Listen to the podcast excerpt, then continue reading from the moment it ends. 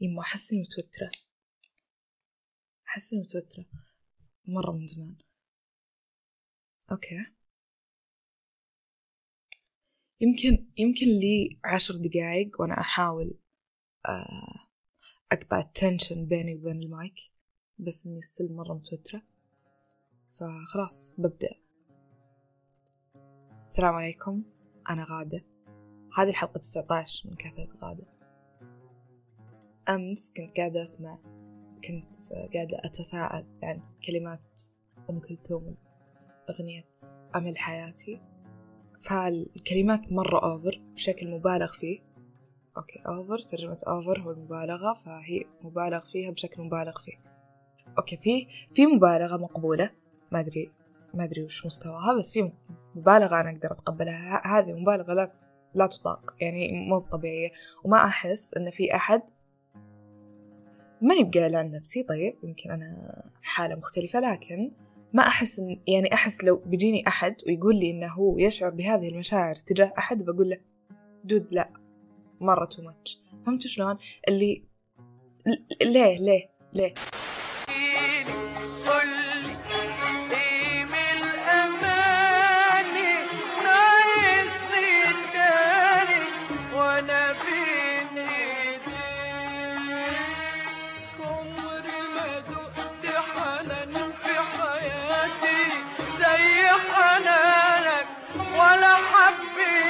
حبيبي حياتي إلا عشانك.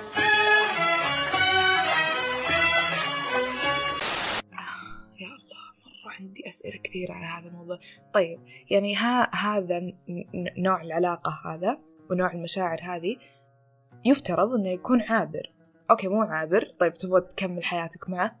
طيب whatever بس إنها تراها يعني تكمل حياتك فهمت شلون؟ فأنت كنت عايش حياتك قبل فيفترض مو منطقي إنك تجي تقول إنه أنت ما عمرك حبيت حياتك إلا بعد ما قابلت هذا الآدمي لا.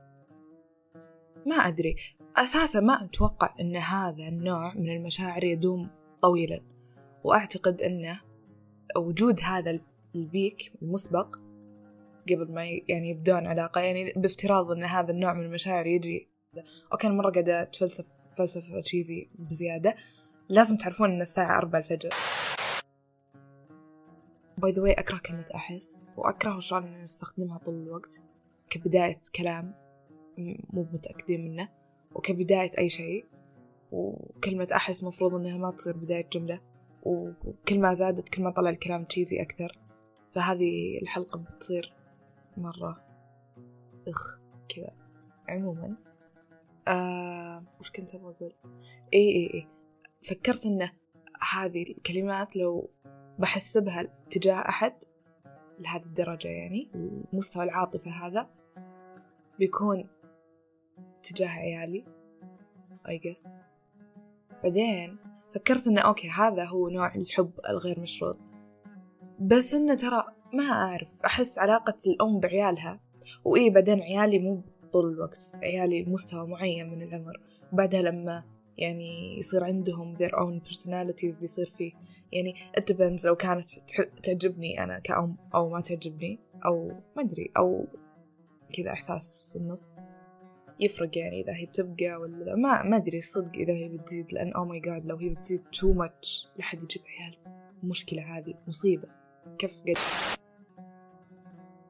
أنا محتارة شوي في تصنيفي للحب الغير مشروط لو كان يوجد هل حب الأم لعيالها حب غير مشروط أو لا؟ هو هين vice versa يعني حب العيال لأمهاتهم أو أهلهم مشروط أتوقع. أتوقع. أحس لو بقول إيه بطلع كأني حيوانة بس ما أدري. عموما دقيقة خلنا نرجع للأم. أه هل حبها لهم؟ يعني شلون؟ هل هو غير مشروط؟ هل هو فطري؟ الفطرة exist هل هو أنه لأنها هي تحس أنها هي أقوى منهم؟ أو هم عايشين عشانها؟ أو مو مو استغفر الله مو عايشين عشانها. أقصد ما أدري إيش قلت استغفر الله حسيتها عادية كلمة أقول. الزبدة لا أقصد أنهم هم عايشين بسبتها بمعنى أصح أنها هي حاسة أنها هي يعني هم طلعوا منها وهي اللي قاعدة ترعاهم وزي كذا. فهمتوا؟ هذا النوع من المشاعر يعطي قوة أنه أنا مسؤولة عنهم. ف يعني الشرط هو وجود هذا ال... أني أنا أقدر أعطيه شيء أو أني أنا أعطيته اوريدي شيء أو إنه هو جاء مني فهمتوا قصدي؟ اللي وجود الدم وجود إن هذه الأشياء هي اللي تخلي ف بيسكلي هذه شروط أنا ما استفدت شيء. فلو بنقول كذا بيطلع مرة خايس وبيعطيك صورة عن الأمهات إنه أخ مع إنه ما لهم ذنب يعني ما في أحد بيجي. أساسا أنا من البداية أنا أقول إنه ما في حب غير مشروط. فهذا لا ينفي هذا لكن فكرتي إنه أنا قبل كان عندي كذا فكرة إنه حب الأمهات لعيالهم كذا ملائكي عرفتوا شلون؟ بعدين يوم فكرت فيها بديتيلز حسيت أول شيء الرضع والهذول اللي ما يدرون ربهم حاطهم فيه بونهم لأنه أو يعني كذا اللي ينبسط إذا شافها واضح يعني مصدر الأكل أكيد بينبسط فقاعد يعطيكم مشاعر حيوانية مرة أنا آسفة كل الأمهات اللي يسمعون. المهم بعدين لما يبدأ يفكر يعني يصير يحبها لأنها هي cute معه وحنونة plus إنها هي مصدر الأكل ما زالت هي اللي تعطي أكله لو مو بأكلها أكلة طالع منها. بعدين إيش؟ بعدين كذا يعني تزديد الشروط مع تطور الشخصية. الزبدة إنها أنا آسفة لكم لو أنا شوهت العلاقة المقدسة هذه العائلة أولا. بولشت يا جايز ما ما في أحد يحب أحد بدون سبب وش فيكم؟ أتوقع أنا قد جتني فترة في وقت ما أعتقد ثانوي كنت مؤمنة أنه في موجود هذا الحب اللا مشروط موجود أنا متأكدة. رغم أنه ايرونيكلي كان عندي نظرة سوداوية جدا في الثانوي عن الزواج عن العائلة عن المدري إيش كنت أحس اللي لا كل الموضوع أناني وكل شيء خايس. ودي أقول لكم بس أخاف أشوه حياتكم. أحس إني قاعدة أقول قاعدة أقول كذا أشياء غامضة مقطعة مأكولة مقضومة من كل الجهات فطالعة كذا أنا قاعدة أحرك يدي. الناس اللي اللي كذا يعطون إيحاء إنهم يحبون حب غير مشروط آه هذول الناس هم اللي يسمحون يعني أتوقع مستوى الحب هذا المبالغ فيه هو اللي يعطي الناس فرصة إنهم يصيرون يكونون علاقة مسمومة معهم. فهمتوا شلون؟ اللي أنا ما ألوم الحين الضحية وأقول إن أنت بسبتك لكن أحس إنهم هم اللي يعطون الفرصة هم اللي يعطون الباب يعني الناس اللي ما توقف يعني مو إنها ما توقف اللي ما تفكر وهي تحب هم الناس اللي آه عادة تكون يعني في في toxic relationship. غير إنهم يعطون الناس فرصة إنهم يكبون سمومهم عليهم ممكن هم يصيرون الناس السامة. يعني هم حبهم ال over هذا هو اللي يخلي الناس اللي حولهم تصير في toxic relationship فهمتوا شلون؟ اللي أحس واضح الجملة ما يحتاج أشرحها. ما أدري إيش دايما أحس إني أشرح لكم أشياء سخيفة. ما ما أدري. يعني تعرفون لقطة مايكل اليوم يقول uh, explain this to me like I'm five. فهمتوا لي كذا؟ أنا أفكر أفكر كأني قاعدة أسجل حلقة لمايكل مرة offensive ليش تسمعوني لما الحين بطلق؟ والله مو بصاحي اسمعوا الحين هذه هذا ال- ال- الموضوع دائما في بالي. مرة من زمان يعني يجي سبع شهور أو أكثر شو حلقة عشرة أسجل فيها شيء عن toxic relation بعدين لما بديت أسجل كذا عرفت؟ ما ما ندري إيش موضوع مرة يزعلني وليش قلت لكم دي السالفة؟ إي إنها الفكرة دائما في رأسي مرة من زمان يعني. والحين يعني طلعت أتوقع هذا بأسوأ منظر ممكن تطلع فيه لأني ماني في أحسن حالاتي. ال... يعني مو فهمتوا شلون؟ اللي فيه عندي والله ما أدري إيش قاعدة أقول بس ابدا ما علي أنا بحلف هذا كله. المهم النقطة هي بس ببساطة يعني فكرة ال toxic relationship في راسي مرة من زمان. وش الفائدة من هذه المعلومة هذه؟ والله شوف في شيء اسمه نظرية الضفدع المغلي. هذه النظرية تقول إن لما آه تحط ضفدع في موية عادية دافية بعدين تغليها مع الوقت ما راح يلاحظ إن درجة حرارتها قاعدة تزيد فبتوصل درجة غليان إلى أنه يموت وهو ما يدري ما راح يقفز يعني منها.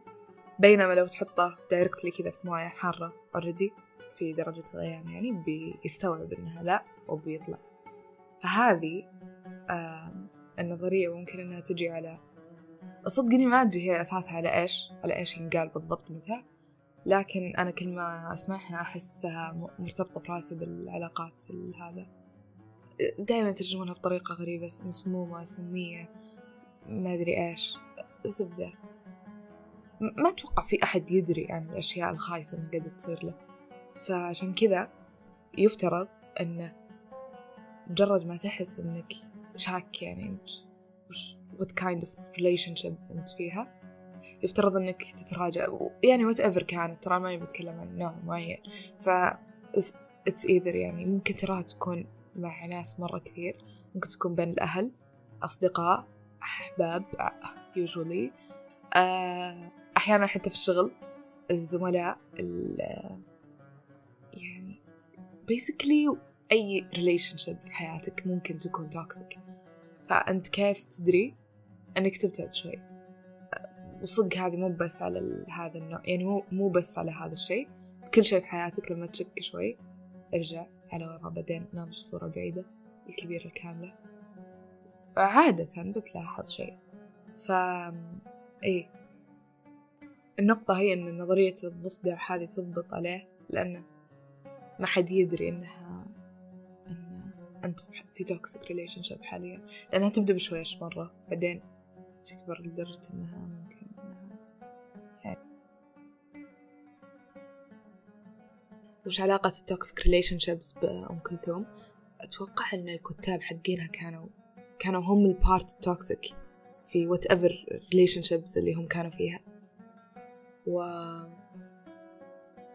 غالبا أم كلثوم كانت كان معها منديل طول الوقت لأنها تبغى تمسح دموعها لأن كلمات أغانيها مرة دراما. وشكرا جزيلا لاستماعكم. وإيه لو عندكم آه، أي فكرة ممكن إنها تلهمني. يعني حتى لو كانت فكرة سخيفة أنا مستعدة شاركوني أفكاركم. أحس إني في ما أدري لو أقدر أصنفه art block بس أنا أشوف إن الحلقات حقتي art so it is. فعندي art block لهذا. ما عندي شيء ومأنبني ضميري ما أدري ليه. إنه ما أدري ليه عرفتوا إن أنتم مرة تهموني فمفروض أنا ما أنبني ضميري إني ساحبة المهم إنه مأنبني ضميري لأني مو قاعدة أسجل شيء. ف please عندي عندي وش صراحة؟ أتوقع إنه صراحة آخر موقع حطيته. في عندي ال direct مفتوح لو ودكم نتناقش. بس ألهموني please رجاء. بس. خلاص شكرا جزيلا. ومع السلامة.